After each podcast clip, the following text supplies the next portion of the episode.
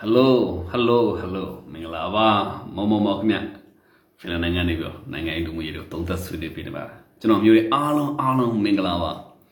ကျွန်တော်ဒီနေ့ခေါင်းစဉ်ပေးထားသလိုပဲအသက်ငင်နေသောတော်လန်ရေးနဲ့ ICJ လို့ကျွန်တော်နာမည်ပေးထားရနော်တော်လန်ရေးအသက်ငင်နေပြီအားလုံးတွေ့ကြတဲ့အတိုင်းပဲသူတို့ကိုလက်ခံထားတဲ့လက်ခံထားတဲ့ KNU ကအခုဘာတွေဖြစ်ကုန်ပြီလဲ ကျွန်တော်ပြောအဲ့ဒီရှုပ်ထုတ်တွေကိုလက်မခံပါနဲ့လို့အစိုးကြီးတွေကကျွန်တော်လိုက်နေမှာကျွန်တော်ပြောပြောနေ KNU ကိုလေနော် KNU ကျွန်တော်ပြောနေအဲ့ဒီဒီမြန်မာပြည်ကနေပြီးတော့ဗောနော်ဒီဘက်ပြည်မကနေပြီးတော့ဟိုလင်မယားရန်ဖြစ်တယ်လို့မျိုးအိမ်ပေါ်ကနေစိတ်ဆိုးတိုင်းဆင်းလာတဲ့နိုင်ငံရေးသမားတွေကိုလက်ခံတိုင်း KNU မှာဒုက္ခကြီးတွေခဏခဏတွေ့တယ်အဲ့ဒါကိုလည်း KNU မမှတ်ဘူးဦးနုဆင်းလာတယ် မာနယ်ဘလော့မာနယ်ဘလော့ခိုင်ခိုင်ရှိသေးဦးနုဆင်းလာတဲ့အချိန်မှာဟာလားတခါတည်းအဲအဲ့ထင်ရစပါထားပါနောက်ထပ်88မှာလဲ AB ဒီ88ကျောင်းသားတွေဆင်းလာတယ်အဲ့ထင်ရစ KNU ကအင်အားအကြီးအကြီးအကြီးအကြီးရဲ့ကျောင်းကျောင်းတော့တဖြည်းသေးသေးသေးသေးသေးပါတယ်အကြောင်းရင်းကိုလက်ခံလိုက်ကြည့်လိုက်တဲ့ခါကျတော့ရန်ဖြစ်လိုက်ပြန်ချစ်လိုက်ဖြစ်နေတဲ့ဒီကဲဒီနိုင်ငံရေးလောကသားတွေကိုရိုးသားတဲ့ကရင်တွေကခဏခဏလက်ခံထားတယ် လက်ခံတိုင်းမှာ KNU ကပြဿနာအမျိုးမျိုးအမျိုးမျိုးအမျိုးမျိုးဖြစ်ရတယ်ကြည့်ခု KNU ကရင်ပြည်နယ်မှာ KNU ဘာတွေဖြစ်ကုန်ပြီလဲအခုပို့ဆိုတာအခုနောက်ဆုံးတစ်ခေါက်ဆင်းလာတဲ့ GZ တို့ NUG တို့ဆိုတာကနိုင်ငံရေးအုံတော့ပါမလာဘူးသူတို့မှဘာလို့ဘာမှပါမလာအတွေးကောဘာလို့ဘာမှပါမလာဘူး သူတို့မှာဘာပဲရှိတယ်ဆိုတော့သိုးများလို့မှရှေ့သိုးသွားရနောက်သိုးလိုက်ခြင်းနွားများလို့ပဲရှေ့နွားသွားရနောက်နွားလိုက်ခြင်းဒီဇိုင်းဟောင်းကိုပြန်ကမှာဒီဇကားဟောင်းကိုပြန်ကမှာဖြစ်တဲ့အတွက်ကြောင့်မအခု KN နေမျိုးကိုဝင်ခိုးလုံလာတဲ့ GZ တွေနဲ့အခုဘာတွေဖြစ်ကုန်ပြီလဲအားလုံးတွေ့ကြတဲ့အတိုင်းပဲ KN ကဒုက္ခကြီးကြီးလာလာပြီးမြဲတမ်းတွေ့နေရတယ်ဘလောက်တနာဖို့ကောင်းလဲဒါလည်းမမှတ်ဘူးကျွန်တော်အစိုးရတက်ပြောခင်ဗျားတို့လက်ခံထားရနော်အေးခင်ဗျားတို့မှားမယ် ဒီလူတွေကနိုင်ငံရေးလောကမှာမင်းသားကြီးမလို့လို့ပတ်မကြီးထိုးဖောက်နော်ဇက်ဖြတ်ဖို့ကြိုးစားနေတယ်နော်ဟိုဇက်ပွဲမှာမင်းသားကြီးမလို့လို့ဒီပွဲကိုဖြတ်ဖို့ကြိုးစားနေတဲ့သူတွေနေရာပြန်ရဖို့ကြိုးစားနေတဲ့သူတွေပါလို့ခင်ဗျားတို့ကျွန်တော် KNU ခဏတည်းကျွန်တော် live တွေမှာကျွန်တော်ပြောခဲ့ပါတယ်နော်အခုဆိုကြည့်ပါလေဖြစ်ကုန်ပြီလေဒါပဲလေနိုင်ငံရေးဆိုတာတော့တော်လန်ရေးနိုင်ငံရေးဆိုတာမျိုးဟာအချိန်ကြာလာသည်နဲ့အမျှ သဘောထားတွေအမြင်မတူဘူးကွဲလွဲလာမယ်အုပ်စုတွေကွဲလာမယ်အဖွဲ့တွေကွဲလာမယ်ဒါကဓမ္မတာပဲပြီးရင်အင်အားတွေတဖြည်းဖြည်းတဖြည်းနဲ့ကွဲကုန်မယ်ကွဲပြီးရင်ဘာဖြစ်ကုန်မလဲပြဿနာတွေစမယ်အခုဆိုရင် KNU မှာရှိနာတာမြတ်လုပ်တဲ့ပုံစံမျိုးတွေသိသိတာတယ်ဘာကြောင့်ဆိုတော့သူကသူစီကမလိုက်လာမလိုက်နာနိုင်ဘူးပြီးတော့ဘာမျိုးဘိုးတူမို့လို့ ဒီပြောမှဆိုတော့ကျွန်တော်ဒီ live မှာမပြောချင်ပါဘူးဒါပေမဲ့ပြောလို့ပြောအောင်နော်အဲ့လိုမျိုးပေါ့စီကံဖောက်ဖြတ်မှုတွေဒီစစ်စီကံမလိုက်နာမှုတွေစစ်စီကံမလိုက်နာလို့ရှိရင်စစ်သားတယောက်လုပ်လို့မရလက်နဲ့ကင်လို့မရလက်နဲ့ကင်ပြီးစီကံမလိုက်နိုင်ရင် KNU ဆိုလည်းဘာပဲဖြစ်ဖြစ်သူတို့မှာစစ်စီကံရှိမှာပဲစစ်တီတော့ကျင့်ဝတ်ရှိမှာပဲ အေးအဲ့ဒီစီကံတွေကိုမလိုက်နာဘူးခေဆိုလို့လက်နက်ကင်နာတာဒါဟာသဘုံဖြစ်တယ်ဒါဟာအကြမ်းဖက်ဖြစ်တယ်စိတ်လိုက်မှမှာအကြမ်းဖက်တဲ့အကြမ်းဖက်တယောက်ပဲအဲ့တော့သူ့တော့သူစီကံဖောက်ဖြစ်တယ်ပြီးတော့ဟိုလူတက်မှုကျူးလွန်တယ်ဟုတ်လားဒါစစ်တုံးမန်းတွေကိုတတ်တယ်ပေါ့ဗျာနော်အဲ့လိုမျိုးတွေလုပ်တဲ့ခါကျတော့ KNU ဌာနချုပ်ကသူ့ကိုထုတ်ထားတယ် ထုတ်ထားတဲ့ခါကျတော့ဘာပဲဖြစ်ဟုတ်တယ်သူကလည်းငါမှလည်းငါနောက်လိုက်ရှိတယ်ဆိုတဲ့ပုံစံမျိုးနဲ့ GZ တွေကလည်း GZ နဲ့ NUG ကသူ့ကိုသွားမြောက်ပေးတဲ့ခါကျတော့တခါတစင်ထပြီးထူထောင်လိုက်ပါလေရောကြည့်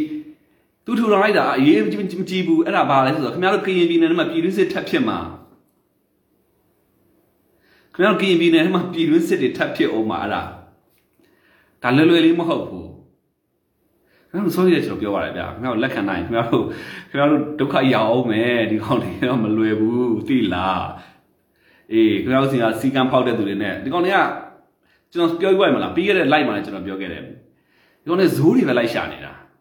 NUG လို့ပါလို့ဆိုတာကြောင်ကတ်နေပြီသူတို့အစွန်းဆုံးကြီးမိုက်တော့မှာသူတို့ကိုလက်ခံမှုပြည်သူကလည်းလက်မခံတော့ဘူးနိုင်ငံတကာကလည်းလက်မခံတော့ဘူးအာဆီယံလည်းလက်မခံတော့ EU ကလည်းလက်မခံတော့ဘူးဘယ်ကမှလက်မခံတဲ့ခါကျတော့ သူတို့ကအစွန်းဆုံးဒီမိုက်ကိုစွန်းစားထားပြီးပါပြီစဉ်းစားထားပြီးတဲ့ခါကျတော့ဟိုမြန်မာပြည်မှာလက်နက်ကန်14ဖွဲ့15ဖွဲ့16ဖွဲ့လောက်ရှိတာကိုနော်ဒါတရားဝင်ဆိုရင်တော့မအဲ့လောက်ရှိတာအဲ့တော့အဲ့ဒီထဲမှာဇိုးတွေကိုလိုက်စုနေတာဇိုးတွေကိုလိုက်စုနေတာဘာလဲဆိုတော့သူတို့အစွန်းဆုံးဒီမိုက်တော့မယ်နိုင်ငံရေးလမ်းကြောင်းကသွားလို့လည်းမရတော့ဘူးတွေးဆောင်ဆွေးနွေးလမ်းကြောင်းကသွားဖို့ဆိုတာလည်းမဖြစ်နိုင်တော့ဘူးဘာကြောင့်မဖြစ်နိုင်လဲ သူတို့ရဲ့မူဝါဒကိုကပြတ်သုံးရေးဆိုတဲ့အလုံးစုံပြတ်သုံးရေးထိတ်တိုက်တွေးဆုံရေးကိုသွားမဖြစ်နိုင်တာကိုသွားတာသွားတဲ့ခါကျတော့သူတို့ရဲ့အယူအဆတွေကိုလက်ခံတဲ့သူဆိုလို့ဒီအသက်ငယ်ပြီးတော့နှုတ်ရွယ်တဲ့ကြီးစက်ကလေးတွေပေါ့ဒီလိုအသက်ရွယ်တွေကများတယ်အဲ့တော့သူတို့နောက်လိုက်နဲ့သူတို့ကသူတို့သွားနေတာသွားတဲ့ခါကျတော့အခုနိုင်ငံရေးလောကသားတွေအကုန်လုံးက နိုင်ငံရေးကိုတကယ်နားလည်တဲ့နိုင်ငံရေးလောကသားတွေ88ကျောင်းသားဟောင်းနေပါတီဟောင်းနေပြီးတော့လက်နက်ကင်ဒေါ်လာရေးဟိုရင်တွေကလုပ်နေတဲ့တကယ်ဝါရင်နဲ့လက်နက်ကင်ဒေါ်လာရေးသမားကြီးတွေပြည်သူတွေကအစားလုံးဝသူတို့ကိုလက်မခံတော့ဘူးလက်မခံတဲ့ခါကျတော့ကျွန်တော်ပြောပြပါမယ်ပြီးခဲ့တဲ့ live မှာသူတို့ကအစွန်းဆုံးထိမိုက်တော့မှာအစွန်းဆုံးထိမိုက်တော့မှာဆိုတဲ့ခါကျတော့ဇိုးတွေလိုက်ရွေးတယ်ဇိုးတွေကလည်းဘ လို့ဇိုးမျိုးလဲဆိုလို့ရှိရင် KNU မှာဥမာဖြစ်အဲခုနာတာများတို့လိုစီကံမလိုက်နာနိုင်တဲ့သူတွေဗဟိုရဲ့အုပ်ချုပ်မှုကိုလက်မခံနိုင်တဲ့သူတွေစစ်စီကံနားမလဲတဲ့သူတွေဒီလိုလူမျိုးတွေအတွက်ကသူတို့အချင်းချင်းမတူမတော်ရာကြီးသွားစုတော့မှာတလားသိရမှာမတူတော့ချင်းချင်းသွားစုတော့မှာအန်ယူဂျီကလည်းဒီလိုလူမျိုးတွေလက်ကုပ်ပြီးတော့ရဘာမှမပုံနဲ့ငါတို့အထွတ်တူဒါမိုက်ချမယ်ပေါ့ကြည့်လိုက်အခုဆိုလို့ရှိရင် KNU မှာ ခုဆိုဒဇင်ထူထောင်လာပြီဒါဟာပြည်တွင်းစစ်ခင်ဗျားတို့ဝေဝေဒါကြီးကပေါ့ပေါ့မထင်နဲ့အကဲခင်ဗျားတို့ဒီအဲကရင်ပြည်နယ်သားဥမာဖြစ်ပြကရင်နယ်အုပ်ချုပ်ပြီးတော့ထားပါတော့ခင်ဗျားတို့ပြောနေတဲ့နိုင်ငံကြီးရနေဒါကဘာလဲလာတဲ့တူဆိုဒါကပြည်တွင်းခင်ဗျားတို့ပြည်တွင်းမှာနောက်ထပ်စစ်တပ်တက်ကိုထူထောင်လိုက်တာပဲအထူထောင်လိုက်ခြင်းအားဖြင့်ဒါကခင်ဗျားတို့ထောင်ထားချာနာမှုလို့ခေါ်တယ် KNU ခင်ဗျားတို့စဉ်းစားခင်ဗျားတို့ကျော်စောရဲ့တေချာပြောရတယ်ဟို 4K ကောလို့ဘာလို့မတိုင်ခင်နဲ့က 4K ကောကိစ္စတွေမတိုင်ခင်နဲ့ကပေါ့နော် 4K ကောစကန်တွေမကြခင်အဲ့ချိန်တည်းကကျွန်တော်ခင်ဗျားတို့ပြောပါတယ်ခင်ဗျားတို့မမှတ်ဘူးနော်ကရင်လူမျိုးတွေရိုးသားကြတယ်ဒါပေမဲ့အဲ့ဆင်းလာတဲ့နိုင်ငံသမားတွေကအကုန်လုံးကပွဲမကရလို့မင်းသားကြီးမလောက်ရလို့ပမကြီးထိုးဖောက်ပါမယ်ဆိုတော့ခံယူချက်တွေနဲ့ဆင်းလာတဲ့သူတွေကြီးပဲအဲ့တော့ခင်ဗျားတို့ထဲမှာရိုးသားတဲ့ကရင်တိုင်းသားတွေရဲ့ခံယူချက်တွေ ဒါရီမန်းချက်တွေကိုသူတို့အတုံးချတော့မှာအဲ့ဒီမှာမှခင်ဗျားတို့ထဲကနေပြီးတော့ထားပါ KNU ကလက်မခံဘူးလက်မခံတဲ့ခါကျတော့သူတို့ကဇိုးကိုလိုက်စုတဲ့ခါကျတော့ဘသူတွေသွားရလဲဆိုလို့ရှိရင်ပါမျိုးကိုတူအဲ့ဒီနာတာမြောက်သွားရလိုက်တယ်ဟောကြည့်အခုဆိုဒဇင်ထောင်ပြီဒါဒဇင်ထောင်တာပြဘာမလုံနဲ့အဲ့ဒါတီတီစစ်ခင်ဗျားတို့အတွက်လည်းမကောင်းဘူးနိုင်ငံအတွက်လည်းမကောင်းဘူးဒါတွေကလည်းဘာမှမဟုတ်သူတို့ကလည်း ဒီ GZ တွေပါတယ် GZ တို့ NUG တို့ကသွားကတ်တာဇိုးတွေလိုက်စုနေတာလက်ကုပ်ပြီးစုနေတာသူတို့အစွန်းဆုံးကြီးမိုက်တော့မှာနော်အစွန်းဆုံးကြီးမိုက်တော့မှာဖြစ်တဲ့အတွက်ကြောင့်မို့လို့ဆရာတို့ကြုတ်ပြောပြီးဒါကထောင်ထားခြားနာမှုပါ KNU တွေစဉ်းစားပါနာတာများတို့လုပ်ရက်ကထောင်ထားခြားနာမှုလို့ခေါ်ထောင်ထားခြားနာမှုဆိုတာဒဇင်ထောင်ညင်းပေါ့ဗျာနော်အဲဒဇင်ထောင်နဲ့ဆိုတဲ့လုပ်ရက်ကခဏအခုအတွက်လည်းမကောင်းဘူး နောင်အတွက်လည်းမကောင်းဘူးဘာကြောင့်လဲဆိုတော့ဒီအကျင့်ဇယိုက်ရှိလာသည်ပဲကာလပတ်လုံးကမြန်မာပြည်ကတောတောင်ရှိတယ်ဗျာဟိုတပုံထတောခိုလို့အကောင်းဆုံးနိုင်ငံတောင်တွေရှိတယ်တောတွေရှိတယ်ရိုးသားတဲ့ပြည်သူတွေရှိတယ်တောခိုလို့အကောင်းဆုံးနိုင်ငံအစိုးရကိုဖော်မဆိုတော့အုပ်ချုပ်ရအခက်ဆုံးနိုင်ငံအစိုးရကိုပုံကန်လို့အကောင်းဆုံးနိုင်ငံဘာကြောင့်လဲဟိုဘယ်လိုခေါ်မလဲဆိုတော့လူအုပ်စုလုံလုံလောက်လောက်ရပြီ လက်နက်ကလေးရှိပြီဟေ့ဆိုလို့ရှိရင်ဒဇင်ထောင်တတက်ထောင်လို့ရတယ်ဥမာဖြစ်ပြထားပါတော့မြမတက်မတော်ကနေပြီးတော့ခင်ဗျားတို့ဖွဲ့ကြီးတွေက KNU တို့ KIA တို့ဟလာအဲ့လိုမျိုးဖွဲ့ကြီးတွေကဒါအာတပုံထလို့ပေါ့ပြောရမယ်ဆိုတပုံထလည်းမဟုတ်ဘူးခင်ဗျားတို့လည်းဒါ freedom fighter လို့ပြောကြတာပဲအဲ့လိုပဲခင်ဗျားတို့ကမှတစ်စစ်ထပ်ပြီးတော့ခင်ဗျားတို့စီမှာတစ်စစ်ထပ်ပြီးခွဲထွက်လာအောင်မဲ့အဖွဲ့တွေကအများကြီးကြံသေးတယ် အဲ့တော့နိုင်ငံရေးကိုခင်ဗျားတို့စီရေးနီးနဲ့သွားကျင်နေတဲ့အတွေးခေါ်တွေမရှိသေးရတော့ခင်ဗျားတို့ဒီပြဿနာတွေဒါမျိုးထောင်ထားခြားနာမှုတွေကမလွဲမသွေကြုံတွေ့နေအောင်မှာပဲနိုင်ငံရေးမှာကွဲလဲခွင့်ရှိတယ်ကွဲလဲလာလို့ရှိရင်လူတွေကလက်နက်ပြေးကင်မယ်ဆိုတော့ခံယူချက်တွေပဲရှိတော့တယ်ဒိဗယ်ပါလဲဆိုတော့တော်လန်ရေးတော်လန်ရေးလုပ်မယ်ဆိုတော့ဒီတော်လန်ရေးစိတ်ဓာတ်ပေါ့အဲတော်လန်ရေးစိတ်ဓာတ်က ဟိုဘယ်လိုခေါ်မလဲပြန်ပြန်လဲသုံးသပ်ရတော့မယ်ဘာကြောင့်လဲသူတို့ကတော်လန်ရေးစိတ်ဓာတ်ပဲရှိတဲ့ခါကျတော့စိတ်ဖြစ်ထစ်ကနေဟေ့ဆိုလို့ရှိရင်လက်နက်ပြေးကင်မယ်ထစ်ကနေဟေ့လက်နက်ပြေးကင်မယ်ပြေးကင်မယ်ဟေ့ဆိုလို့ရှိရင်ဒီဒါမျိုးပေါ့ဒါမျိုးမြင်နေရှိနေတယ်ကျွန်တော်မြန်မာလူမျိုးတွေမြန်မာတိုင်းသားတွေမှာလေအဲ့တော့အခုကြည့်ဟိုနာရမြသူ့အတူဒါစီကံဖောက်ဖြတ်လို့စစ်တုံးမန်းတွေကိုဒါစစ်စီကံပေါင်ကြော်ပြီးတော့တပ်ဖြတ်တဲ့အတွက်ကြောင့်မို့လို့သူ့ကိုအ ထောက်ခံရတာသူ့အတူစီကံဖောက်လို့အထောက်ခံရတဲ့ခါကျတော့သူကလည်းဟိုဘယ်လိုခေါ်မလဲအတုံးချဖို့လူရှာတဲ့ခါကျကြီးစက်တွေတွားရတယ် PDF တွေတွားရတယ် NUG တွားရတယ်အော်စီကံဖောက်တဲ့သူချင်းချင်းတွားစုတယ်အာခင်ဗျားတို့စီကနေထပ်ပြီးခွဲခွဲထွက်လာအောင်မနောက်ဆိုလို့ရှိရင်ခင်ဗျားတို့ဒီလက်နက်ကင်တော်လန်ရေးနည်းနဲ့သွားနေသမျှကာလာပတ်လုံးကဒါကိုခင်ဗျားတို့မလွဲမသွေကြုံတွေ့ရမှာ အဲ့တော့မြန်မာပြည်သားရဲ့အားလုံးရဲ့ညင်ထဲမှာတိုင်းသားလက်နက်ကင်ရဲ့အားလုံးရဲ့ညင်ထဲမှာဖြောက်ကမှာကငါတို့လက်နက်ကင်ပြီးလုပ်လို့စင်မပြေနိုင်ဘူး။ဘာကြောင့်လဲလက်နက်ကင်ပြီးလုပ်နေသမျှကာလာပတ်လုံးလက်နက်ကင်ပြီးတော်လန်ရေးနဲ့လက်လက်ကင်ပြီးတော့နိုင်ငံရေးကိုသွားနေသမျှကာလာပတ်လုံးကငါတို့လိုပဲထပ်ပြီးတော့လက်နက်ကင်နေတဲ့သူတွေငါတို့စီကထပ်ပြီးတော့မွေးဖွားနေမှာပဲ။ခုဆိုနာတာများတော့မွေးလာပြီ။ခင်ဗျားကြီးကအခုတဲ့တော့မတဲ့တော့ဘူးနော်အဲ့ဒါကြောင့်မို့လို့ခင်ဗျားတို့ကျွန်တော်ပြောတယ်စောကြီးစောစီရခင်ဗျားတို့ KNU ကမမှတ်ဘူးလို့ခင်ဗျားတို့မမှတ်ဘူးတခါလည်းမခံတခါနာဘူးလဲခင်ဗျားတို့မမှတ်ဘူးနှစ်ခါနာဘူးလဲမမှတ်ဘူးသုံးခါနာဘူးလဲမမှတ်ဘူးအခုခင်ဗျားတို့ထဲမှာအခုဒုက္ခရောက်တယ်ကြည့် KNU နှစ်ဖွဲ့ကွဲသွားပြန်ပြီကွဲသွားတဲ့ခါကျတော့ဟိုကလည်းသူမသူပြိတ္တနဲ့သူလေဒါကတော့ဒါကတော့သူ့ရဲ့အခွင့်အရေးဗျရှော့မတွက်နဲ့ဒါပေမဲ့တခုရှိတာကအဲ့ဒါခင်ဗျားတို့ကျွန်တော်အားလုံးကြားမှာမှားနေမြင်ရပါလဲဆိုတော့တစိတ်ရှိရင် လက်နက်ပြေးကင်ပြီးတော့နိုင်ငံရေးမတူအမြင်မတူခြင်းပြဿနာဖြစ်ရင်ပူပေါင်းညှိနှိုင်းအဖြေရှာခြင်းပခုံးဖတ်ပြီးတော့အမှားမှန်ကိုပူပေါင်းအဖြေရှာခြင်းနဲ့စိတ်သက်တွေမရှိဘဲနဲ့တစိတ်ရှိရင်ဘာလုပ်မလဲဆိုတော့လက်နက်ပြေးဆွဲမယ်လက်နက်ပြေးဆွဲမယ်ဆိုတဲ့ခါကျတော့ခင်ဗျားတို့ကြည့်ဒါကသူတနာရာများတို့အုပ်စုအပြစ်ပြောလို့မရတော့ဘူးဘာကြောင့်လဲခင်ဗျားတို့ကိုယ်တိုင်ကတစိတ်ရှိလက်နက်နဲ့ပဲပြဿနာစကားလက်နက်နဲ့ပဲစကားပြောခြင်းနဲ့ လက်နက်ကင်နေဆိုမှတော့လက်နက်ကင်ကလက်နက်ကင်မထပ်မွေးမှာပဲအဲ့တော့ညင်တစ်ခုကိုဖျောက်အောင်ပါလဲဆိုတော့ကျွန်တော်တို့ကနိုင်ငံရေးကိုနိုင်ငံရေးနည်းနဲ့ဖြည့်ရှင်းပါမယ်ဖြည့်ရှင်းခြင်းပါတယ်ဆိုတော့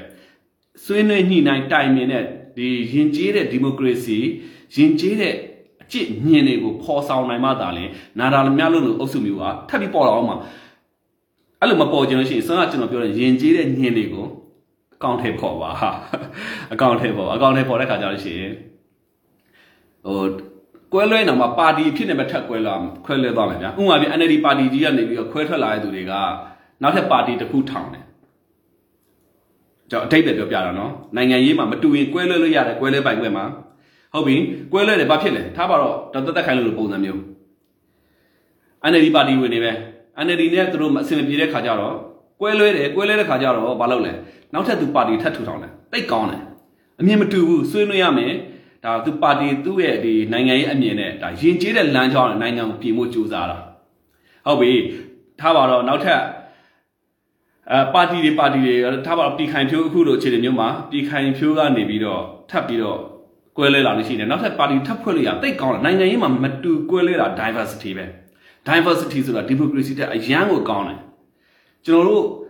democracy လမ်းကြောင်းမှာ diversity လို့ခေါ်တဲ့မတူကွဲလွဲမှုတွေကကျွန်တော်တို့ရဲ့အားအင်ပဲ အဲ့ဒီအားအင်တွေဖြစ်တယ်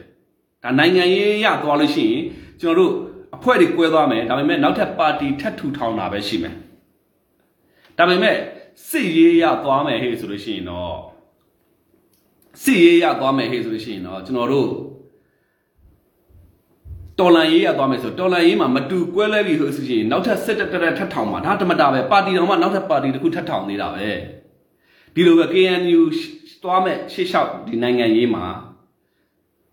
မြင်မတူလို့ရှိရင်ဘာလုပ်မလဲထပ်ပြီးကွဲလွဲမယ်ကွဲလွဲရင်ဘာဖြစ်မလဲနောက်ထပ်စစ်တက်တက်ထပ်ထောင်မယ်ဒါဓမ္မတာပဲပါတီတောင်မှနောက်ပါတီတစ်ခုထပ်ဖြစ်သေးတာပဲဗျာနော်နိုင်ငံရေးမြင်ဒါပေမဲ့အခုတော့ကောင်နိုင်ငံရေးလမ်းကြောင်းသွားတဲ့အတွက်ကြောင့်မလို့ငင်းချမ်းအေးချမ်းနဲ့ဆွေးနွေးလမ်းကြောင်းဆွေးနွေးလမ်းကြောင်းမတူကွဲလဲမှုညှင်းခုန်မှုတွေကသွားမယ်ခဏလေးနေရာသွားတဲ့အတွက်ကြောင့်မို့လို့ကျွန်တော်တို့ဒါဟာစစ်တပ်ကစစ်တပ်ကိုပဲထပ်ဖြစ်စေမယ် ကျွန်တော်အစိုးရခင်ဗျားတို့ပြောပါတယ်ညင်ကျေးတဲ့လမ်းကြောင်းသွားပါပြီအခုဆိုရင်နာတာများတို့လောက်တဲ့ပုံစံကနောက်ထပ်ဒါမျိုးတွေထပ်ပြီးတော့ဟိုစစ်တပ်တွေထပ်ပေါ်လာမယ်ပေါ့ဗျာနော်မပူနဲ့ခင်ဗျားတို့နိုင်ငံရေးကအဝေးဆက်လျှောက်အောင်ပါခင်ဗျားတို့တော်လိုင်းရေးမဆုံးသေးတွေကနောက်ထပ်နာတာများလို့မျိုးအဖွဲ့တွေဟိုဘယ်လိုခေါ်မလဲနိုင်ငံရေးအမြင်တူကွဲလွဲတိုင်းတနက်လိုက်ဆွဲတဲ့အကျင့်တွေပေါ့နော်အဲ့ဒါကြောင့်မို့ KNU အကြံပေးချင်တာကအခုနာတာများလို့ဒါမျိုးဖြစ်တယ်ဆိုတာမျိုးဟာ ခင်ဗျားတို့ရဲ့လွဲမားတဲ့နိုင်ငံရေးကိုနိုင်ငံရေးနည်းနဲ့မဖြည့်ရှင်းမဲနဲ့စီရေးနဲ့ဖြည့်ရှင်းမယ်ဆိုတော့အယူဆတွေခံယူချက်တွေကြောင့်နာတာနာတာများလို့လို့အဖွဲ့မျိုးတွေထပ်ပေါ်လာမှာနောက်ထပ်လည်းထပ်ပေါ်လာအောင်မှာမပူနဲ့အမြင်မတူလို့ရှိရင်မလုပ်မလဲပါတီကပါတီထပ်ဖွဲ့တယ်လို့မျိုးပဲစစ်ဒီ KNU ကနေနောက်ထပ်ထပ်ဖွဲ့လာအောင်မှာခင်ဗျားတို့လည်းသိပါဗျာ DKB ပေါ်လာဆိုခင်ဗျား KNU အကြီးပါအဲ့ဒီအောင်တစ်စင်အမြင်မတူတော့ဘာဖြစ်လဲ နောက်ထပ်တပ်ဖွဲ့တစ်ဖွဲ့ထပ်ပေါ်လာတယ် DKB ရဲ့ဟောအဲ့ဒီကအမြင်မတူတဲ့ခါကျတော့နောက်တော့ထပ်ပေါ်လာတဲ့ PGF တို့ KNLA တို့ဟုတ်လားအခုဆိုနောက်ထပ်လာပြီကော်တူလေး Army တို့ပေါ့ထပ်ပေါ်လာပြီဒါပါလေဒါကနိုင်ငံရေးအမြင်မတူရင်ဒါဒီလက်နက်ကင်လမ်းစဉ်မှာတော့နောက်ထပ်လက်နက်ကင်အုပ်စုထပ်ပေါ်လာရင်ချင်းချင်းတိုက်ကြမယ်ခတ်ပြစ်ကြမယ်ခတ်ကြမယ်ဘယ်တော့မှစုံသွားမှာမဟုတ်ဘူးပြီးသွားမှာမဟုတ်ဘူးခင်ဗျားတို့ဒီမိုကရေစီခင်ဗျားတို့ဘုံတိုင်းဆိုပြီးချပေးလိုက်တော့မှပဲမလိုချင်တဲ့သူကထပ်ပြီးတော့ဟို မလိုချင်တဲ့သူတွေကပေါ့ဒီမိုကရေစီကိုမလိုချင်တဲ့သူကထပ်ပြီးတော့လက်နက်ကင်ပြီးတော့သူတို့လူအုပ်စုရှိတယ်သူပြိတ္တသူဇက်ရှိလို့ရှိရင်သူတစင်ထောင်ပိုင်ခွင့်ရှိတာပဲဒါမတူကွဲလဲကွဲပဲအဲ့တော့ KNU ခုလိုပဲဒုက္ခရောက်နေတာအခက်ခဲနေတော်လိုင်းရေးတွေမအောင်မြင်တာဘာမှမဟုတ်ဘူးခင်ဗျလက်နက်ကင်တော်လိုင်းရအောင်မြင်မှုမရှိဘူးဘာကြောင့်အောင်မြင်မှုမရှိလဲဆိုရင်အမြင်မတူရင်ကွဲလဲပိုင်ခွင့်ရှိရတိတ်ကောင်းတယ်ကွဲသွားပြီကွဲရင်ဘာလုပ်မလဲ နောက်ထပ်လက်နက်ကင်အာမီတခုကိုထပ်ထူထောင်ပိုင်ခွင့်ရှိတယ်အဲအခုချိန်ကလက်နက်မောင်ခိုတွေကတိတ်ကောင်းတာနဲ့ကတော့တောကလည်းတိတ်ကောင်းမြန်မာပြည်ဟာတောခိုလို့အရန်ကောင်းတယ်အဲ့တော့မြန်မာပြည်နိုင်ငံကြီးကဘယ်တော့ငြိမ်းချမ်းပါလဲခင်ဗျားတို့ကျွန်တော်မေးချင်တာက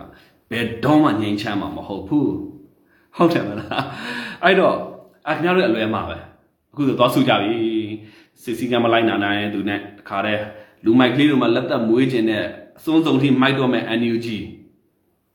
ပြီးတော့ PDF တွေရဲ့အားကိုးရာကအဲ့လိုဖြစ်သွားတယ်ထို့တူပဲအဲ့လိုဖြစ်ရမျိုးတွေစောစမ်းအောင်လို့ဘာလို့လုပ်ခဲ့ပူပါလဲဒါကြတော့အဲ့ဒီတိတ်လေးကိုမပြောချင်ဘူးเนาะဟုတ်ပြီအဲ့တော့ပါတီကနေပါတီထပ်ပြီးပါတီကလည်းမတူညီကွဲပြားရင်နောက်ပါတီတစ်ခုထပ်ကိုပိုင်ထောင်ပိုင်ဝင်ရှိတယ်လို့ပဲစစ်တပ်ကလည်းကျွန်တော်လက်နက်ကင်တော်လိုင်းရင်းနဲ့သွားနေတဲ့သူကလည်းလက်နက်ကင်ဒီကို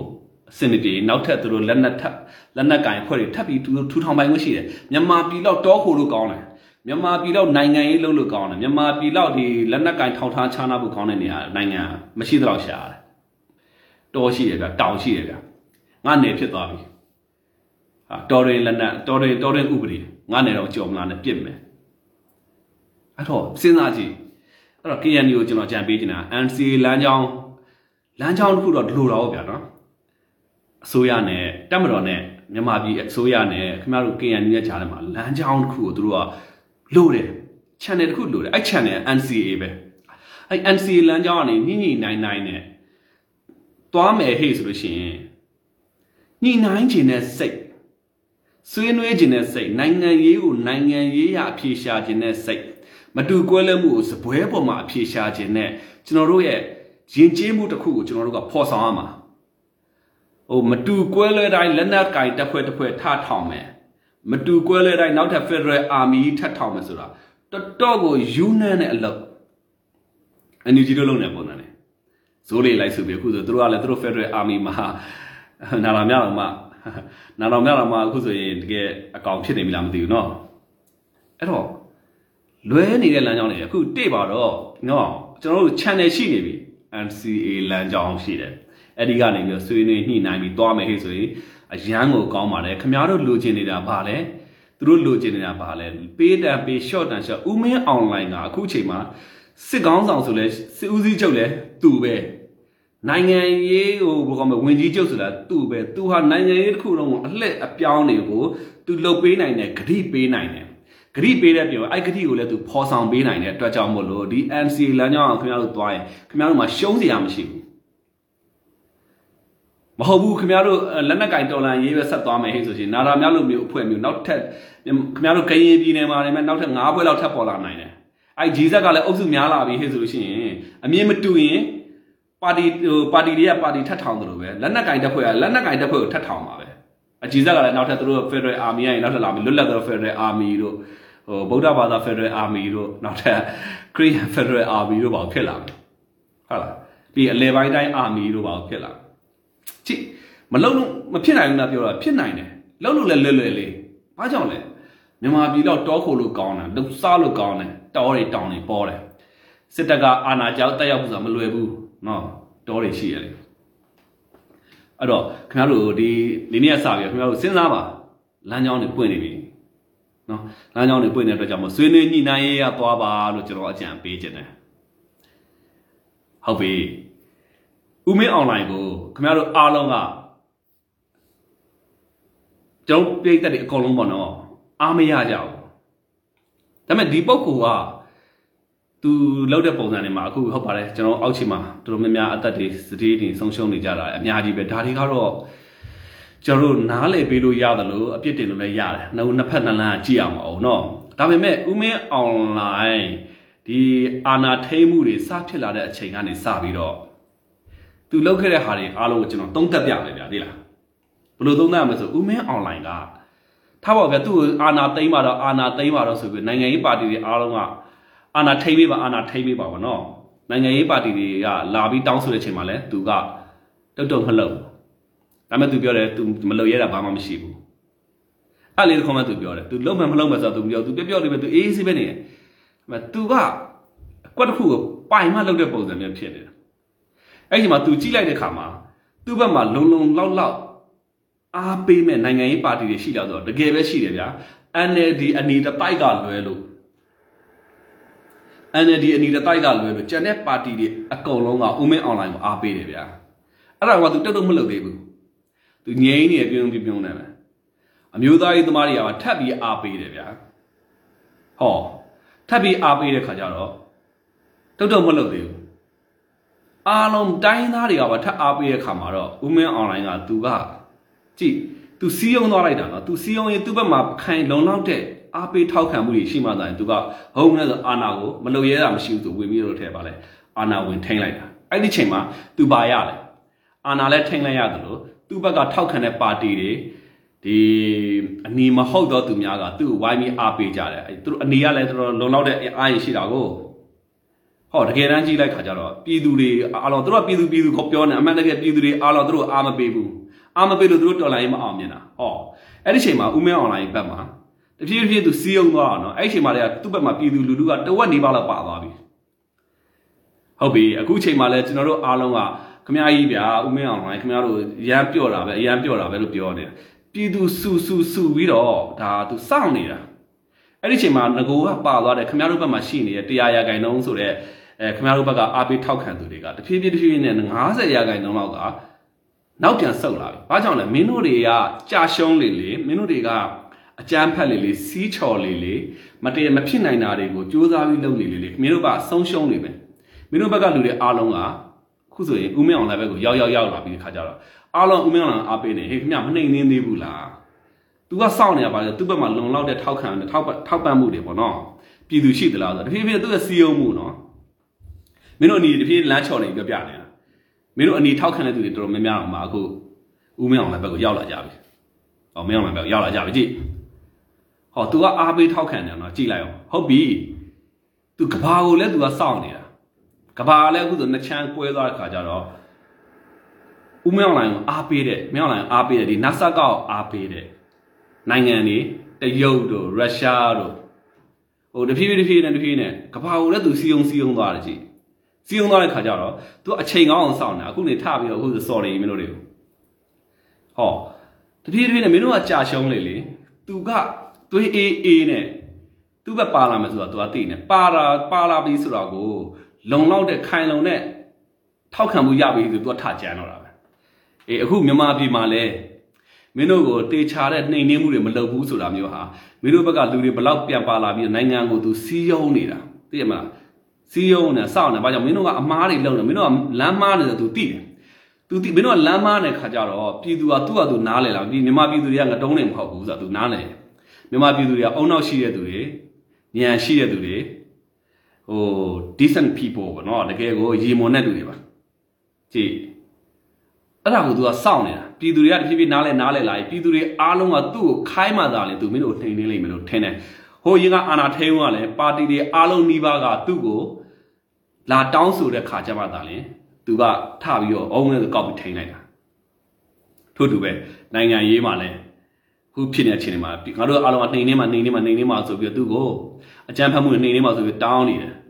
တောင်းတဲ့အချိန်မှာလည်းသူစောင့်နေတယ်မင်းတို့မင်းတို့ရဲ့ဘလောက်မှားမလဲဘလောက်မှားမလဲကြည့်ရောအခုလိုချိန်မျိုးနဲ့ကြာအောင်ပြည်သူတွေအားလုံးအခုမြန်မာပြည်မှာလိုက်ကြည့်မင်းတို့အကောင်လုံးယွန်းနေပြီမင်းတို့အနီတွေအကောင်လုံးအသက်ငယ်နေပြီမင်းတို့ အဲ့တော့ပြည်သူတွေအားလုံးကဥမင်းအွန်လိုင်းကိုဖြည်းဖြည်းဖြည်းတောင်းဆိုနေပြီမြန်မာပြည်ငင်းညောင်းလုပ်ပေးပါဟုတ်လားအဲဒီအနီအနီတတိုက်ထောင်ထားချနာနေတာတွေအကြမ်းဖက်နေတာကိုနှိမ်နှင်းပေးပါဆိုတော့ခါလဲအားလုံးကသူ့သူ့ဘက်ကိုဖြည်းဖြည်းပါပါသူစောင့်နေတာလုံလောက်တဲ့အားရင်ရှိတဲ့ခါကြလို့ရှိရင်သူထပြီးတော့မင်းတို့နှိမ်နေလိမ့်မယ်ထို့တူပဲနိုင်ငံတကာကိုလည်းသူကစီးယုံနေတာ နိုင်ငံတကာကလည်းမင်းတို့တွေကမင်းတို့တွေကပေါက်ကရလှုပ်လေးလေးနိုင်ငံတကာကမြင်လေးလေးနိုင်ငံတကာကမြင်လာလေးနိုင်ငံတကာကအခုဆိုအရင်ကအတန်နဲ့တော့မတူတော့ဘူးအာဆီယံအတန်ပြောင်းသွားပြီ EU အတန်ပြောင်းသွားပြီကုလသမဂ္ဂအတန်ပြောင်းသွားပြီမင်းတို့ကမှထောက်ခံမှုရှိတော့သူကဘာကလည်းတဝက်လောက်ထိထိဥမင်းအောင်လိုက်ဘက်ကပါလာပြီဟောကြည့်ဒီဘုတ်ကိုလောက်တဲ့ပုံစံတွေဒါမျိုးတွေဖြစ်နိုင်တယ်ဆိုတော့သုံးသပ်ပြတယ်နော် အဲ့ဒါတွေကဘာမှမဟုတ်ဘူးမင်းတို့တွေရဲ့အမှားတစ်ချက်တိုင်းမှာဥမင်းအွန်လိုင်းကတစ်ချက်တစ်ချက်တစ်ဆင့်တစ်ဆင့်မြင့်မြင့်သွားတယ်မင်းတို့တွေအမှားတစ်ချက်မင်းတို့တွေဟိုတော်လိုင်းရေးလမ်းချော်လေးလေဥမင်းအွန်လိုင်းဘက်ကမြင့်မြင့်သွားတာဘာမှမဟုတ်ဘူးဟိုတူကတာတာရရတဲ့နိုင်ငံရေးကိုကောင်းကောင်းနားလည်အတွက်ကြောင့်မလို့မင်းတို့ကောင်းကောင်းကစားသွားတာအေးကဘာမှာလည်းအခုဆိုရင်သူ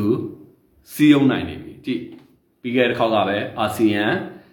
အာဆီယံရုရှားမှာအာဆီယံရုရှားဒီအကြမ်းဖက်မှုဆန့်ကျင်ရေးမှာသူနဲ့ဦးစီးဦးရွက်ပြုတ်ပြီးတော့ဆောင်ရွက်သွားတယ်ဒီမြန်မာနဲ့ပဲဦးစီးဦးရွက်ပြုတ်ပြီးဆောင်ရွက်သွားတယ်ကြည့်လိုက်ကဘာကိုလဲစီးယုံနိုင်နေပြီ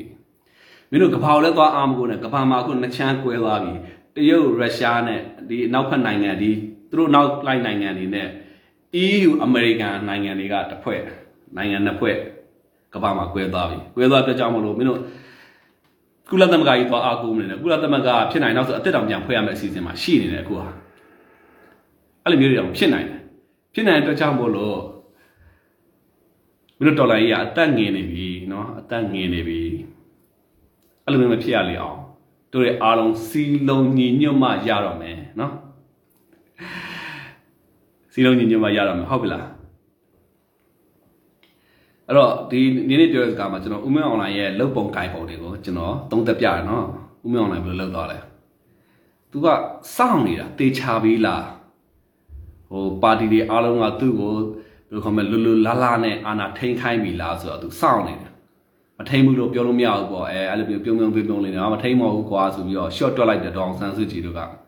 ဟုံတိုင်းဆိုသူ့ဘက်ကလုံလောက်တဲ့ထောက်ခံမှုရှိသေးတယ်အဲ့ချိန်တွေကမြန်မာပြည်သူတဝက်လောက်ကဥမင်းအွန်လိုင်းဘက်ကပါသွားပြီ တဝက်ကျော်ကျော်လောက်ပါသွားပြီအဲ့ဒီချိန်မှာမှမင်းတို့ကိုစောင့်ကြည့်နေတယ်အာနာထိန်ပြီးတဲ့ချိန်မှာလည်းမင်းတို့ကဘလောက်မှားမလဲဘလောက်မင်းတို့လမ်းချော်လေးလေးပြည်သူတွေကအုံမင်းအွန်လိုင်းဘက်ကိုပြေးကပ်လေးလေးအဲ့တော့အခုစောင့်နေတာပါလဲဆိုတော့သူ့ဘက်ကလုံလောက်တဲ့ထောက်ခံမှုတွေတဖြည်းဖြည်းပြည်သူကိုလည်းစီးအောင်လာလာတာဆိုလို့ရှိရင်ပြည်သူ85ရာခိုင်နှုန်းလောက်ကနာဆာကတ်ဘက်ကိုတဖြည်းဖြည်းပါပါလာပြီ ကဘာကိုလည်းစီးအောင်လာဆိုကဘာတချမ်းကဥမင်းအွန်လိုင်းဘက်ကိုအားပေးတဲ့ဘက်ကိုပါပါလာပြီဟောဘလောက်ပိုင်လဲကြည့်အဲကြောင့်မင်းတို့ကအမနိုင်ငံရေးကိုလုပ်နေတဲ့ပုံစံတွေကမင်းတို့လမ်းကြောင်းပြောင်းတော့လမ်းကြောင်းနေပြောင်းကြတော့မပြောင်းလို့ရှိရင်တော့မင်းတို့ဘလို့မှမင်းတို့တော်လိုင်းရအောင်မြောင်မဟုတ်ဘူးလက်နက်ကင်တော်လိုင်းရေးမှန်သမျှဟာစနပြောပြီးပြီနော်နောက်ထပ်လက်နက်ကင်နဲ့နာတာများလို့လို့ဖွဲ့မျိုးတွေပဲထပ်ပေါ်လာမှာ မင်းတို့မယုံလို့ရှိရင်မင်းတို့အဲ့ဒီ PDF လည်းမယုံမယုံစောင့်ကြည့် PDF မှာလည်းဒီလက်နက်ကင် CI ဆိုပေါ့နိုင်ငံရေးဆိုတော့ကွဲလဲခွင့်ရှိတယ်ကွဲလဲလာပြီဆိုကွဲပြေးလာပြီကွဲပြေးလာပြီဆိုပါစီတတိတနန်းထောင်ညမှာပဲဒါကတော့ပြောလို့မရဘူးအဲ့တော့လက်နက်ကင်တော်လိုင်းရေးလုပ်နေတဲ့ KIU KIA AA အဲအကုန်လုံးပေါ့နားလည်တင်တာဘာလဲဆိုတော့လေ ခင်ဗျားတို့လက်နက်ကင်လမ်းစဉ်ကိုသွားနေတဲ့ကာလပတ်လုံးလက်နက်ကင်ကလက်နက်ကင်တစ်ဖွဲ့ကိုပဲထပ်ပေါ်လာမှာမတူကွဲလွဲတိုင်းတနက်ပြေးဆွဲမယ်ဆိုတဲ့အချင်းစရိုက်တွေကထပ်ဆက်လက်ဖြစ်ပေါ်စေမှာဝတ်ပေါ့လားအဲ့တော့မတူကွဲလွဲတိုင်းတနက်ပဲပြေးဆွဲမှာအေးနိုင်ငံရေးကိုနိုင်ငံရေးနည်းနဲ့သွားမယ်ဆိုမတူကွဲလွဲတိုင်း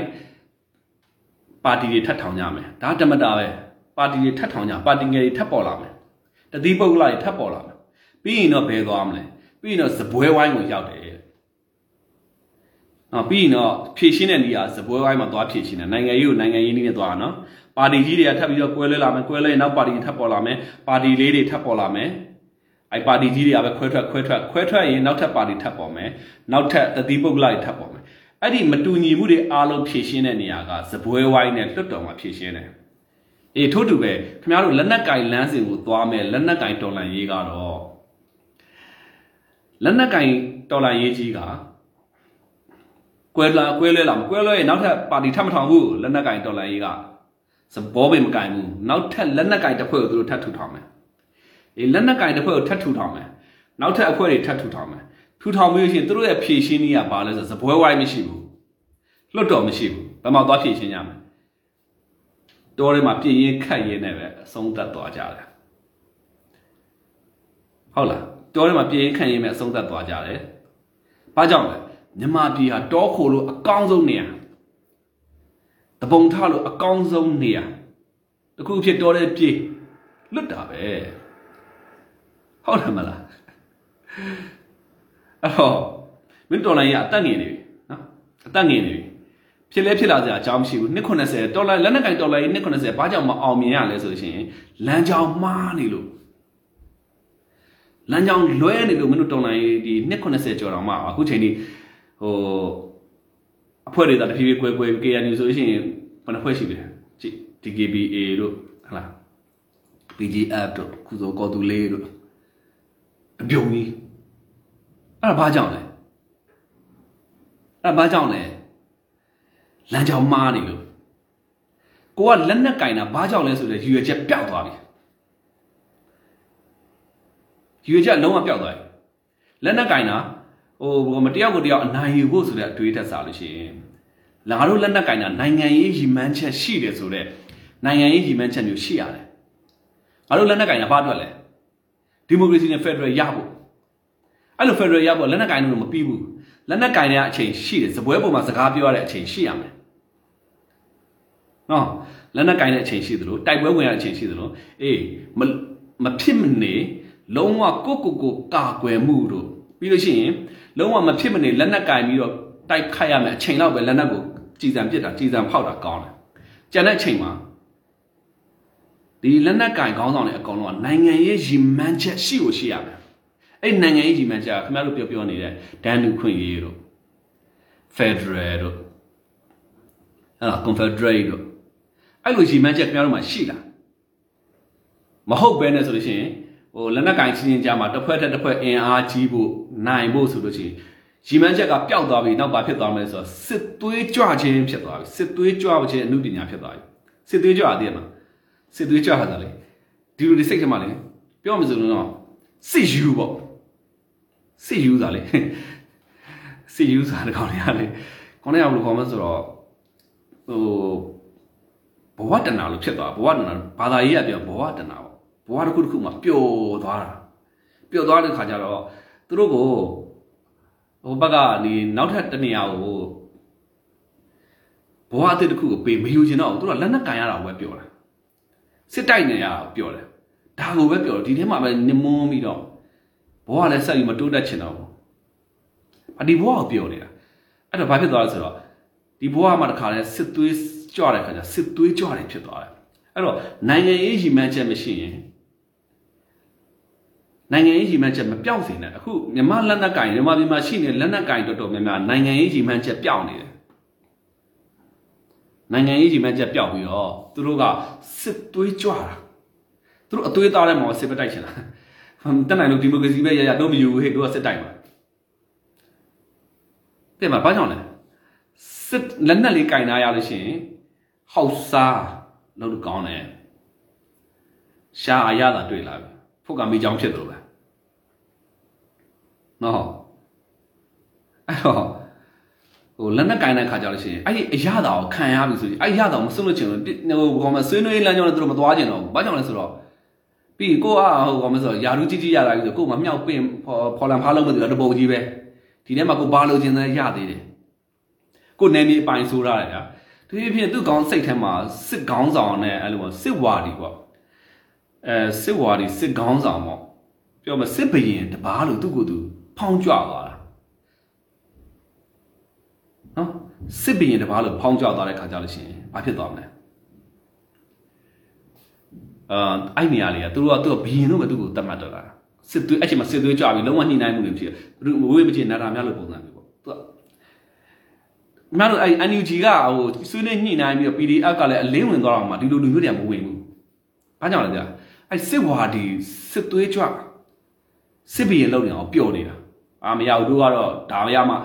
ဟိုမှာသူတို့ကပထမဦးဆုံးကတော့သူတို့ဒီရီမန်ချက်တစ်ခုအောင်မြင်ဖို့တိုင်အဲ့ရီမန်ချက်ပေးလိုက်တယ်မယူဘူးဟုတ်ငါတို့ကဒါကိုထပ်လို့ကျင်သေးတာဈေးကိုမတည့်နိုင်တော့ဘူးအဲ့ဒါကိုစစ်သွေးကြွတယ်လို့ခေါ်တယ်အဲ့တော့ခင်ဗျားတို့အားလုံးဒီစကားမှာကျွန်တော်အချုပ်ချုပ်ရဖြစ်ပြောရမယ်ဆိုရှင်လက်နက်ကင်လမ်းစဉ်နဲ့နိုင်ငံရေးကိုပြောင်းလဲဖို့ကြိုးစားတာဟာဆိုလို့ရှိရင်ဘယ်တော့မှမပြီးနိုင်တဲ့တန်နေရ290ကတက်တည်ပဲ အဲ့ဒါကမှ NUG ကထပ်ပြီးတော့ဘူးလေးရဖေုံစစ်ဟိုထပ်ပြီးတော့ဟိုအိမ်မောဆင်းလာတဲ့ဟိုအိမ်ကြီးမကတွေ့ရအိမ်မှာဟိုဘာမှမသိကိုလင်ချောင်းတင်းပြောပြီးတော့အဲတခါတည်းအဲ့လိုမျိုးပြီးတော့သူအိမ်မောပြန်တက်ရင်တက်မှာပြောမရအောင်အေးအဲ့ပုံစံသူကဘူးလေးရဖေုံစစ်ဟိုစစ်သွေးကြွတဲ့ပုံစံစစ်သွေးကြတဲ့အားကိုးပြီးတော့ဒါနိုင်မြန်မာနိုင်ငံလောကမှာဒါဓမ္မတာပဲ အဲ့ဒါကြောင့်မို့လို့ဒီလက်နက်ကင်လမ်းစဉ်တွေကိုတက်နိုင်ဆုံး short ချပါဗျရှော့ချပြီးတော့အခု NCA လမ်းကြောင်းကနေပြီးတော့အခုချိန်မှာအခွင့်အရေးခွင့်ကောင်းအခါကောင်းပါပဲမြန်မာနိုင်ငံရဲ့အပြောင်းအလဲတစ်ခုကိုတွားဖို့အတွက်เนาะအဲ့တော့အဲ့ဒီချိန်မှာဒီလိုမျိုးနောက်ထပ်နာတာများလို့လို့အုပ်စုမျိုးတွေထပ်ပြီးတော့ခေါင်းမထောင်လာဖို့ဟာခင်ဗျားတို့အားလုံးကနိုင်ငံရေးကိုနိုင်ငံရေးနီးနဲ့တွားခြင်းတဲ့အခြေခံစိတ်ဓာတ်တွေလိုအပ်တယ် မဟုတ်ဘူးဆိုလို့ရှိရင်ခင်ဗျားတို့အားလုံးမှာနောက်ထပ်ပါတီကနေပါတီကြီးကနေပါတီလေးခွဲလာသလိုပဲစစ်တပ်ကြီးကနေစစ်တပ်လေးတွေထပ်ပြီးတော့ခင်ဗျားတို့မှာထပ်ပြီးတော့ခွဲခွဲခွဲဘယ်တော့မှပြီးမှာမဟုတ်တော့ဘူးနိုင်ငံရေးနီးနိုင်ငံရေးတွေလေ့လာကြပါနော်နိုင်ငံရေးရည်မှန်းချက်ရှိကြပါဦးမင်းအွန်လိုင်းအနေနဲ့ကသူကြည့်လိုက်ဦးမင်းအွန်လိုင်းတစ်ဖက်ကခင်ဗျားတို့ဘက်ရှေ့ရရက်တွေခင်ဗျားတို့ရဲ့စန့်ကျင်ဘက်မှာရက်တွေနဲ့ဦးမင်းအွန်လိုင်းอ่ะဆိုလို့ရှိရင်သူ့ရဲ့စီယုံမှုစီယုံမှုလက်နက်ကင်တစ်ဝက်လောက်ပါသွားတာကြည့်လိုက်ကြည့်လေ စီယုံတော့လက်နက်ကင်တစ်ဝက်သူ့ဘက်ပါသွားပြီပြည်သူတစ်ဝက်ကျော်ကျော်80ရာခိုင်နှုန်းသူ့ဘက်ပါသွားပြီဟောနိုင်ငံရေးပါတီတွေကစားသူ့ဘက်ပါသွားပြီဘာကြောင့်လဲသူစိတ်ရှည်လက်ရှည်နဲ့ဘယ်လိုခေါ်မလဲဆိုတော့အစာချေပြီးတော့စောင့်အောင်လေသိမလားဘာကြောင့်ဆိုတစ်ဖက်ကမှားမှဆိုသူသိနေအမှားလုံးနေတာသူသိတယ်ပြည်သူတွေကိုလည်းသူကငတုံးလို့မထင်ပြည်သူတွေအားလုံးကတဖြည်းဖြည်းသူကပါမှာသူစာချေပြီးသူစောင့်ဆောင်စောင့်ဆောင်နေတာအချိန်တန်တော့အားလုံးကဟုတ်ဆိုရင် စစ်တပ်ကိုမြန်မြန်နေနေပေးပါမြန်မြန်နေနေပေးပါဆိုရင်အားပေးနေကြပြီဟောကဘာကိုလည်းသူကကဘာတစ်ချမ်းသူ့ဘက်ပါလာပြီတရုတ်ကတေချာပေါက်သူ့ကိုသိပတ်ပြတယ်ရုရှားဆိုလို့ရှိရင်ဒါမိဖက်ကြီးပေါ့ဟုတ်လားနောက်ထပ်နိုင်ငံတွေတော်များလဲမိဖက်မိဖက်နိုင်ငံတွေအိန္ဒိယဆိုလဲဒါမြန်မာဘက်ကပဲစဉ်းစားစဉ်းစားနော်သူ့ရဲ့ဒီဒီတီးခံပြီးစောင့်နေမှုဟာ ခက်တော့ခက်တော့သူ့ရရှိတော့ပြအောက်ချီမှာတော့ပေးဆက်နေရတာပေါ့ဒါတွေကတော့ဟိုမစစ်စစ်ပေါက်ပေါက်ဆွေးနွေးရမယ့်အရာတွေဖြစ်တယ်ကျွန်တော်ကိုယ်တိုင်လည်းတယောက်တည်းနဲ့ဆွေးနွေးလို့ရမှာမဟုတ်ဘူး။ဘာကြောင့်လဲဆိုတော့သူဒါမျိုးစောင့်နေခြင်းရတယ်အောက်ချီမှာပေးဆက်နေရတယ်ပြည်သူတွေကအများကြီးပေးဆက်နေရတယ်နော်။အဲ့လိုမျိုးတွေရှိသေးတာ။အဲ့တော့ကဘာမှာလည်းရှုံမြန်မာမှာလည်းရှုံမင်းတို့ရဲ့ဒီဒီ energy ကအ လုံးစုံထိမိုက်တော့မှာဖြစ်တဲ့ကြောင့်ဇိုးတွေမွေးပြီးတော့စီးမဲ့ကမ်းမဲ့စီးဖောက်သလား energy ကိုလာထားလာထားဆိုတဲ့ပုံစံမျိုးတွေဖြစ်နေတယ်ဘယ်လက်နက်ကိုင်တွေအဖွဲ့ကဘယ်လိုမျိုးသူတို့မိခင်မိခင်အဖွဲ့စည်းနဲ့မတည့်ဘူးလေမင်းတို့မတည့်ဘူးတော့ငါတို့လည်းအဲတက်မတော်နဲ့မတည့်ဘူးဒီအစိုးရနဲ့မတည့်လို့ငါတို့လည်းပြေးလာတာမင်းတို့ငါတို့အားလုံးစုမယ်ငါတို့အားလုံးဟိုမစင်ရှိရမစင်စုကြမယ်နော်စူစီးပြီးတော့ဒတို့တွေစီးမဲ့ကမ်းမဲ့တဲ့နိုင်ငံရဲ့ အချုပ်ချအာဏာကိုငါတို့တွေရဲ့ဒီစီးမဲ့ကမ်းမဲ့လူဒန်းစားတရက်ရဲ့အုပ်ချုပ်မှုလက်ထက်ရောက်အောင်လုပ်မယ်ဆိုတဲ့ဖွဲ့တယ်။ဘာကြောင့်လဲအကုန်လုံးလိုက်စုတယ်ဒီမှာ။အဲ့ဒီကြီးခု ICJ ကိစ္စဆိုလည်းကြည့်လိုက် ICJ ကကုလသမဂ္ဂကြီးတောင်မှကုလသမဂ္ဂလုံခြုံရေးကောင်စီအဖွဲ့ဝင်တွေတောင်မှဒီလိုမျိုးအကွဲအပြဲတွေနဲ့နှစ်ချမ်းကွဲပြီးအသက်ငင်နေတာ ICG ကသူ့အတူဘာပဲပြောပြောဘာပဲလုပ်လို့ ကျွန်တော်တို့ဒါသူ့အတူမြန်မာရဲ့ဒီရှောက်လဲချက်တွေအားလုံးပယ်ချပယ်ချဘယ်လိုပဲပယ်ချပယ်ချပါလိမ့်နော်ဒါသူ့မူရပြီသူ့အောင်လုပ်နေကြလိုက်မယ်ဒါပေမဲ့ကုလသမဂ္ဂကြီးကမှနှစ်ချမ်းကွဲပြီးတော့လုံခြုံရေးကောင်စီကြီးအောင်နှစ်ချမ်းကွဲနေတာ ICG ကဘလို့ပဲဆုံးဖြတ်ချက်ချချဘာလို့ဘာမှလုပ်လို့မရအောင်တေချာတို့ကကုလသမဂ္ဂရဲ့အခြေခံပြည်ညင်ကနိုင်ငံတနိုင်ငံရဲ့အချုပ်ချာအာဏာမှာတရားစီရင်မှာဝင်နှောက်ရှက်လို့မရအောင် ICJ ကသူ့သူအမိတ်မဲ့ချချ ဒီမြန်မာနိုင်ငံရဲ့အချုပ်ချာအာဏာထဲမှာတရားစီရင်မှာဝင်နှောက်ရှက်ပိုင်ခွင့်လည်းမရှိဘူးအကယ်၍ ICJ ကဆောင်ရွက်မှုတွေလုံခြုံရေးကောင်စီကိုထပ်တင်မယ်ဟဲ့ဆိုရှင်လည်းလုံခြုံရေးကောင်စီမှာကဟိုရုရှားနဲ့အမေရိကန်နဲ့ကဓမ္မတော့ကအင်းဝါရစာတဲ့တာမဟုတ်ဘူးတရုတ်နဲ့ပို့ဆိုးသွားပြီနှစ်ချမ်းကွဲသွားပြီဘာမှလုပ်လို့မရအောင်ဒီလောက်ရုရှားကမြန်မာကိုအားပေးထောက်ခံနေတာအဲ့တော့ ICJ ကသူ့ဟာသူ ဟိုဥကုကိုနိုင်လို့ပါသွားတာဒါလုံနေတော့မှန်ပါတယ်ကောင်းပါရင်ကြီးတဲ့လမ်းကြောင်းနဲ့သွားနေရမှာပဲဒါမျိုးတော့သူတို့ကဘာလိုမျိုးဘလိုမျိုးပယ်ချပယ်ချဘာတွေပဲလုပ်နေလုပ်နေမြန်မာပေါ်မှာဘာမှလုပ်လို့မရဘူးအခုနိုင်ငံရေးအခင်းချင်းကမ္ဘာအခင်းချင်းကမချမ်းခွဲနေယူကရိန်းရေးနဲ့ပတ်သက်ပြီးတော့ EU နဲ့ရုရှားနဲ့ရန်ဆောင်နေတာပဲအမေရိကန်နဲ့လည်းရန်ဆောင်နေတာပဲတဲ့မှမတဲ့တယောက်တယောက်စီးပွားရေးပိတ်ဆို့နေတာအဲ့တော့ ICJ ကြီးက ICJ ကြီးကမဟုတ်ဟုတ်ရုရှားအတိမတ်တောင်ပြုတ်တော့မဟုတ်ဘူးပြောရမယ်ဆိုတော့ ICJ အတိမတ်မပြုတ်ဘူးအဲ့တော့ဘာမှဖြစ်လာစရာမရှိတဲ့ကိစ္စကခင်ဗျားတို့ကခင်ဗျားတို့ BBC ကတို့တော့တို့တစ်ချိန်လုံးပဲလွှင့်လွှင့်တညလုံးပဲလွှင့်လွှင့်အဲ့ဒီ ICJ ကိစ္စကတော့ခင်ဗျားတို့ဟိုဖြစ်နိုင်တော့ဟိုမေ့ပြီးတော့သူလှုပ်လှုပ်တစ်ခုလိုပဲသဘောထားလိုက်ပါ for sure ပေါ့ for sure ဆိုတာမျိုးကပြရုပ်လေးတစ်ခုပဲကျွန်တော်ဘာမှဖြစ်လာမှာမဟုတ်ဘူး နော်ဘာလို့ဘာမှဖြစ်လာမှာမဟုတ်တော့ဒါပေမဲ့အဲ့ဒါကိုခုခုဟိုဘက်ရက်ကွက်က feed တက်နေကြတယ်တဲ့မလားကိုယ်နိုင်ငံကိုဝိုင်းပြီးတော့ကိုယ်နိုင်ငံရှုံးတော့ရှုံးစေချင်ကြတယ်မင်းတို့ ICJ မှာမြန်မာရှုံးနေတယ်ခင်ဗျားတို့ကျုပ်တို့အကုန်လုံးရှုံးတာသိလားအဲ့ဒါကိုမှတ်ထားပါအကုန်လုံးရှုံးပါခင်ဗျားတို့ NUG စိတ်တက်မျိုးပဲမိဘနဲ့အဆင်မပြေတိုင်းမိဘရှုံးတာကိုပဲကျွန်တော်လိုချင်လို့မရဘူး မြန်မာနိုင်ငံတစ်ခုလုံးစီလုံးညီညွတ်ဖို့လိုတယ်ဗျမင်းတို့ကသာ feed တက်နေတာကဘာနှစ်ချမ်းကိုယ်လို့ ICJ ကဘာပဲလို့ဘာမှဖော်ဆောင်လို့မရအောင်လုံခြုံရေးကောင်စီမှာဖော်ဆောင်မှာမြန်မာနိုင်ငံအချုပ်ချာအာဏာထဲမှာဝင်ပြီးဘာမှလုပ်လို့မရအောင်ဟုတ်ပြီနော်ဟုတ်ပြီအဲ့တော့ကျွန်တော် like လေးကိုကျွန်တော်ဆုံးသက်အောင်ပဲဗျဒီနေ့စကားပြောတဲ့အထက်မှာဒီနေ့ပြောကြားတဲ့အထက်မှာလေးအဲကျွန်တော်ပြောခဲ့တာဦးမင်းအွန်လိုင်းရဲ့ ဟိုဘယ်လိုခေါ်မလဲ short မတွက်တဲ့ဒီပုဂ္ဂိုလ်ကိုကျွန်တော်ပြောနေတာနော်ဒီပုဂ္ဂိုလ်ကြီး short မတွက်နဲ့ဗျကျွန်တော်အားမရတာအားမရတာပဲဒါပေမဲ့သူကအခြေခံပိုင်ပြီးတော့သူ့ရဲ့ထဲမှာလုံလောက်တဲ့အားပေးထောက်ခံမှုကိုမဲကိုသူစောင့်တာပေါ့နော်စောင့်ပြီးတော့မှသူအလုပ်တစ်ခုကိုလုပ်တဲ့ပုံစံမျိုးတွေတွားတွေ့ရတယ်ပါတီကြီးကတိမ့်မှတိမ့်မှဆိုထိမ့်မှထိမ့်မှမထိမ့်ဘူးသူစောင့်နေတယ်လုံလောက်တဲ့ဒီပါတီတွေကတောင်းဆိုတယ်မြန်မာနိုင်ငံလုံးရဲ့လူဦးရေတော်တော်များများတေချာတဲ့လူဦးရေက တောင်းဆိုမှသာလေသူကထားပြီးအလုပ်လုပ်တာထို့တူပဲအခုနှိမ်နှင်းမှနှိမ်နှင်းမှဆိုတာမျိုးဟာ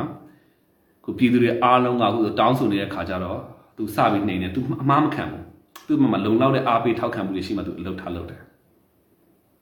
ဒါကဦးမင်းအောင်လိုင်းရဲ့အကျိုးကြောင့် KNU ရဲ့ဒီနက်နက်ကင်လမ်းစဉ်တွေကမအောင်မြင်နိုင်တာဘာအကြောင်းမှမဟုတ်ဘူးပါတီကြီးကပါတီငယ်လေးထံမွေးသလိုပဲလက်နက်ကင်ကြီးကလက်နက်ကင်ကလေးတွေပဲထံမွေးမှာ ဘယ်တော့မှပြီးမှမဟုတ်တဲ့ဒီလက်နက်ကင်လမ်းစဉ်ကိုအားလုံးဆုံးလို့ဖို့အချိန်တန်ပြီ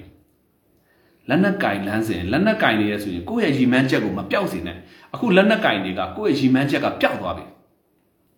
ကိုယ့်ရဲ့ရီမန်းချက်ပျောက်တဲ့နေ့ကလက်နက်ကင်မှန်သမျှဘာဖြစ်သွားလဲသိလားစစ်သွေးကြွဖြစ်သွားတယ်စစ်သွေးကြတာ militant militant ဆိုတာစစ်သွေးကြွတယ်သူကစစ်သွေးကြွတာစစ်ဘက်တိုက်ချင်တာ အဲ့ချိန်မှာစစ်ဝါဒီတွေစစ်ဘရင်ဆိုတဲ့ဘရင်ယူပေါ့စစ်ယူဖြစ်သွားတယ် အဲ့လိုလူမျိုးတွေပဲထပ်ပြီးတော့မွေးဖွားမယ်ခင်ဗျားတို့စိတ်ကူးမရင်နဲ့လက်နက်ကင်လမ်းချောင်းကနေပြီးတော့ Federal လည်းမရနိုင်ဘူးခင်ဗျားတို့ပြောနေရဘာဆိုဘာမှရလာမှာမဟုတ်ဘူးလက်နက်ကင်လမ်းချောင်းကသွားလို့ထပ်ရလာမှာဘာလဲဆိုတော့လေနောက်ထပ်အဖွဲ့အခွဲတွေမြောက် KNDO ကနေပြီးတော့ KNU တို့ KNLA တို့ DKPA တို့ DKPA မှာနှစ်ချမ်းเนาะအဲ့ဒီကမှထပ်ပြီးတော့ အဲအခုဆိုကော်တူလေးတို့ကော်တူလေးအာမီတို့ဟာကော်ဘရာတို့ပါစုံစုံနေရပဲဒါတွေပဲထပ်ပြီးတော့ပေါ်လာမယ်နောက်ထပ်အမြင်မျိုးထပ်ပြီးတော့ကွဲလာအောင်မယ်မြန်မာတိုင်းနိုင်ငံလုံးကလက်နက်ကင်နဲ့အားလုံးရဲ့ဟိုပေါက်ဖွားရာ breeding ground ဖြစ်သွားမယ်သိမလားအ breeding ground ဆိုတာအဲ့ဒီလက်နက်ကင်တို့အကောင်းဆုံးနေရာပေါ့အချမ်းဖတ်တို့အကောင်းဆုံးနေရာဖြစ်သွားမယ်အဲ့တော့အားလုံးလက်နက်ကင်လမ်းစဉ်ကိုဆွန့်လွတ်ပြီးတော့ NC လမ်းချောင်းကနေညှိညှိနိုင်နိုင်နဲ့သွားကြပါเนาะ ကိုလူချင်တာကြီးပဲတော့ရလို့တော့မလွယ်ဘူးလေဟဟလားကိုက100ရာခိုင်လို့ချင်ဒါအများကျိုးအတွက်လိုအဲ့လို့ရှိရင်90ရာခိုင်လို့ရှော့ပေးရရှိဟိုဘက်ကလည်း100ရာခိုင်လို့ချင်ညမှာပဲဟိုဘက်ကလည်းရှော့ပေးရရှိမယ်ညှိညှိနိုင်နိုင်နဲ့သွားမှုလမ်းချောင်းတစ်ခုတော့လုံနေပြီဗျ